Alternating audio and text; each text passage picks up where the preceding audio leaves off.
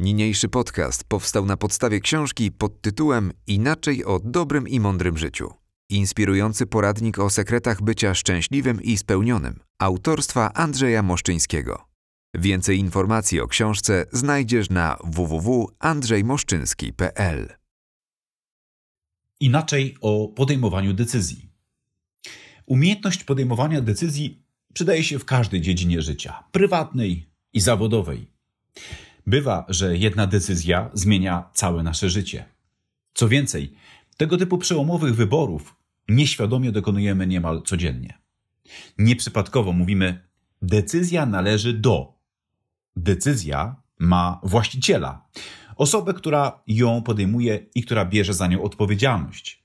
Bo wybór, jakiego dokonujemy, to nie tylko wyraz wolności oraz samodzielności, ale także zobowiązanie i świadomość konsekwencji. Zacznijmy od zdefiniowania tego, czym jest decyzja. W polskiej Wikipedii czytamy, że jest to postanowienie będące wynikiem dokonania wyboru. Decyzja bezpośrednio łączy się więc z wyborem. Zazwyczaj zaczyna się od poczucia dyskomfortu lub od dostrzeżenia innych możliwości. Rusza machina. Widzimy, że coś może wyglądać inaczej i zaczynamy o tym myśleć. Rozważamy, planujemy, snujemy wizję, zastanawiamy się, jak mogłoby być. Odpowiedź nie zawsze jest prosta. To tyle tytułem wstępu. Omówię teraz pierwszy aspekt tego tematu rozwiązywanie problemów. Zmiana jest czymś dobrym, bo otwiera nowe możliwości. Paradoksalnie jednak boimy się jej, bo y, to sfera nieznana, niezbadana, nieoswojona. Po fakcie zazwyczaj jesteśmy zadowoleni, bo okazuje się, że lepiej e, jest lepiej niż było. Przełamaliśmy własne lęki i nie ma tego złego, co by na dobre nie wyszło. Żeby jednak coś się zmieniło, potrzebne jest działanie. Trzeba dostrzec, e, co jest nie tak, e, co można zrobić lepiej, dokładniej, solidniej, porządniej, oszczędniej, wydajniej, wygodniej. Często widzimy, w czym tkwi problem, widzimy potrzebę zmiany, ale czy łatwo nam jest podjąć działanie? Z moich obserwacji wynika, że nie, nie jest łatwo. Nie jest łatwo, bo zmiana y, bywa bolesna, y, trudna, y, ciężka, męcząca. I aby nastąpiła poprawa, aby żyło nam się lepiej, musimy ponieść trud. Zdajemy sobie sprawę z zdajemy sobie z tego sprawę i być może dlatego wielu z nas nie dostrzega niedogodności. E, niejako udaje przed samym sobą, że wszystko jest w porządku. Decydowanie to wyjście z etapu rozważań, rozmyślań, analizy i przejście w etap działam. Jestem gotów, mam plan, wiem. Decydowanie to um, rozwiązywanie problemów. Dlatego umiejętność podejmowania decyzji jest tak istotna w naszym życiu. Czekanie na to, że problem sam się rozwiąże, odwlekanie momentu, w którym podejmujemy decyzję, to narażanie się na stres. A zatem bierzemy los w swoje ręce i sami decydujemy o tym, jak będzie wyglądało nasze życie. Nie płyniemy z prądem, nie niesie nas yy, tłum, kroczymy samodzielnie. Oczywiście nie chodzi o to, by za wszelką cenę przeciwstawiać się otoczeniu, postępować wbrew. Możemy iść z tłumem, to znaczy iść w tym samym kierunku co inni, ale jest to nasza decyzja i nasza droga, tyle że zbieżna z drogami innych ludzi. Nie jesteśmy do tego przymuszani. Samodzielnie tak postanowiliśmy. To, że decyzja ma być samodzielna, wcale nie oznacza, że nie powinniśmy przed jej podjęciem korzystać z rad czy doświadczeń innych ludzi. Wręcz przeciwnie, gdy w danej dziedzinie brakuje nam wiedzy, pytajmy tych, którzy ją posiadają. Podjąwszy decyzję, nie od razu uwalniamy się od wątpliwości i od związanego z nimi stresu. Zastanawiamy się, czy zdecydowaliśmy właściwie i czy przewidzieliśmy wszystkie skutki. Mimo iż proces podejmowania decyzji nie jest jeszcze zakończony, ważne jest, że coś zrobiliśmy, że nie zostaliśmy w miejscu, pozwalając, by problem narastał. A teraz chciałbym omówić kolejny aspekt. Nazwałem e, tą e, myśl etapy podejmowania decyzji. Niezależnie od z jakiego powodu podejmujemy decyzję, ani jakie konsekwencje się z nią e, wiążą, w każdym przypadku musimy przejść przez kolejne jej etapy. Ważne jest więc, by prawidłowo je określić i poświęcić im odpowiednio dużo uwagi. Krótko przedstawię teraz, jakie są zasady działania tego procesu. Pierwszy etap to zdefiniowanie problemu, analiza sytuacji, zbieranie danych. Nazwijmy problem, określmy jego przyczyny i cel, co chcemy osiągnąć. Sprawdźmy, czy ten cel jest zbieżny z naszymi ogólnymi życiowymi celami, naszym światopoglądem, wyznawanym systemem wartości. Kolejna kwestia do rozstrzygnięcia to odpowiedź na pytanie, kiedy chcemy osiągnąć korzyść. Czy zależy nam na szybkich efektach, czy możemy poczekać dłużej? Jak wielki trud czy koszt możemy i chcemy ponieść? Jaki wpływ na naszą przyszłość będzie miała ta decyzja? Czy osiągnięcie tego celu ułatwi nam realizację naszych dalszych planów, czy, mm, czyli jakiegoś długoterminowego celu? Ile mamy czasu na podjęcie decyzji? Powinniśmy wziąć pod uwagę także innych ludzi. Pomyślmy, na czyje życie i w jaki sposób wpłynie to, co postanowimy, co się zmieni. Ważne jest też uświadomienie sobie własnej motywacji i ustalenie, czemu służyć ma ta decyzja. Czy jest to reakcja na problem, czy podjęcie działania, które ma czemuś zapobiec. Zanim uruchomimy lawinę zdarzeń, decydując się na zmianę, zastanówmy się, czy faktycznie coś trzeba zmieniać, bo być może to jedynie pogorszy sytuację, a nie podjęcie decyzji, no to też decyzja. Ale czy zawsze powinniśmy tak e, skrupulatnie analizować temat? Przed każdą decyzją? Karl Kraus, znany austriacki dziennikarz, twierdził, że słaby człowiek wątpi przed decyzją, a silny po niej. Oznacza to, że nie powinniśmy bać się szybkich decyzji. Zresztą w codziennym życiu, na przykład naszej pracy, zbyt gruntowne zgłębianie wszystkich aspektów każdej sprawy może być nawet szkodliwe i blokować nasze normalne funkcjonowanie, zwłaszcza gdy decyzję należy podjąć w bardzo krótkim czasie. Przy bardziej złożonych wyzwaniach, kiedy konsekwencje złej decyzji mogą być bardzo kosztowne, zagłębianie się w dany temat, zdobycie wiedzy mm, bardzo ułatwia, a nawet warunkuje trafne wybory. Zatem po zdefiniowaniu wyzwania, problemu, analizie sytuacji i zebraniu danych, możemy przejść do etapu drugiego określania możliwych rozwiązań.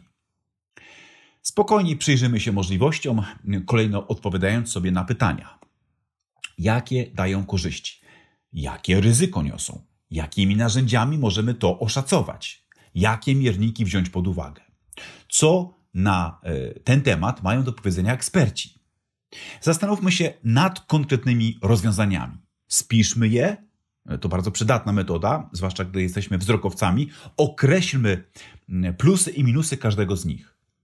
Zwykłe spisanie na kartce to chyba najprostsza i najtańsza metoda porządkowania myśli, zupełnie niesłusznie e, przez niektórych ludzi bagatelizowana. Proponując różne opcje, weźmy pod uwagę możliwość niepowodzenia każdego, nawet najlepszego naszym zdaniem rozwiązania. Określmy prawdopodobieństwo sukcesu i porażki wszystkich pomysłów. Prawdopodobieństwo, bo pewności mieć nie możemy nigdy. Gdy określimy już możliwe sposoby rozwiązania wyzwania, możemy przejść do trzeciego finalnego etapu, którym jest wybór najlepszego rozwiązania. Tu kluczową kwestią jest uświadomienie sobie własnych cech psychicznych oraz różnych skłonności. Warto postawić sobie następujące pytanie: czy dokonując wyboru skupiam się na faktach czy na przeczuciach? W tym ostatnim etapie, po przeanalizowaniu faktów, warto dać sobie chwilę oddechu przed ostatecznym rozwiązaniem. Jak? Po prostu prześpijmy się z naszym tematem. Pozwólmy działać podświadomości. Niech da nam jakąś podpowiedź. W końcu dokonajmy wyboru, podejmijmy decyzję, no i weźmy odpowiedzialność. Przygotowałem jeszcze dwa mm, e, aspekty tego ciekawego tematu. Pierwszy nazwałem e, mm, e, uwaga, przeszkody. Przekonanie, że wystarczy dobrze przemyśleć decyzję, by wszystko się udało, byłoby naturalnie naiwnością. Trzeba bowiem przygotować się na przeszkody, które mogą się e, pojawić. Do tych najpoważniejszych, które utrudniają podejmowanie decyzji, mm, moim zdaniem, należą szum komunikacyjny, mm, czyli natłok lub przeciwnie niedobór danych, nadmiar możliwości bądź brak alternatywy, strach przed konsekwencjami, czyli de facto przed wzięciem odpowiedzialności. Trudności powoduje też brak określenia konkretnego celu, jaki mielibyśmy osiągnąć, podejmując daną decyzję, a także wzięcie pod uwagę jednego tylko punktu widzenia czy brak obiektywizmu. Poważną przeszkodą w podejmowaniu dobrych decyzji jest długotrwały stres. Będąc w stresie, nie jesteśmy sobą. Często zdarza się, że nie postępujemy racjonalnie. Nie potrafimy trzeźwo ocenić sytuacji, przewidzieć skutków danego zachowania. Podejmując decyzję w stresie, możemy postąpić nie tak, jakbyśmy tego chcieli, jak zrobilibyśmy, mając jasny obraz tego, co się dzieje. Stres wydaje się e, najpoważniejszym czynnikiem utrudniającym podejmowanie właściwych decyzji. Mówiąc właściwych, mam na myśli to, że taka decyzja ma e, poprawić jakość naszego życia. Ponieważ temat stresu jest moim zdaniem e, ważnym aspektem w kontekście podejmowania decyzji, e, rekomenduję, aby głębo, głębiej wniknąć w ten no, niesamowicie ważny temat, jakim jest, jakim jest stres. W tym miejscu jakby nie ma na to czasu, stąd też zachęcam do takiego działania. Dochodzimy już do końca tego materiału, który przygotowałem. Omówię więc ostatni, krótki aspekt. Optymalne warunki do podejmowania dobrych oraz mądrych decyzji. Do podjęcia właściwych decyzji potrzebny jest spokój, harmonia.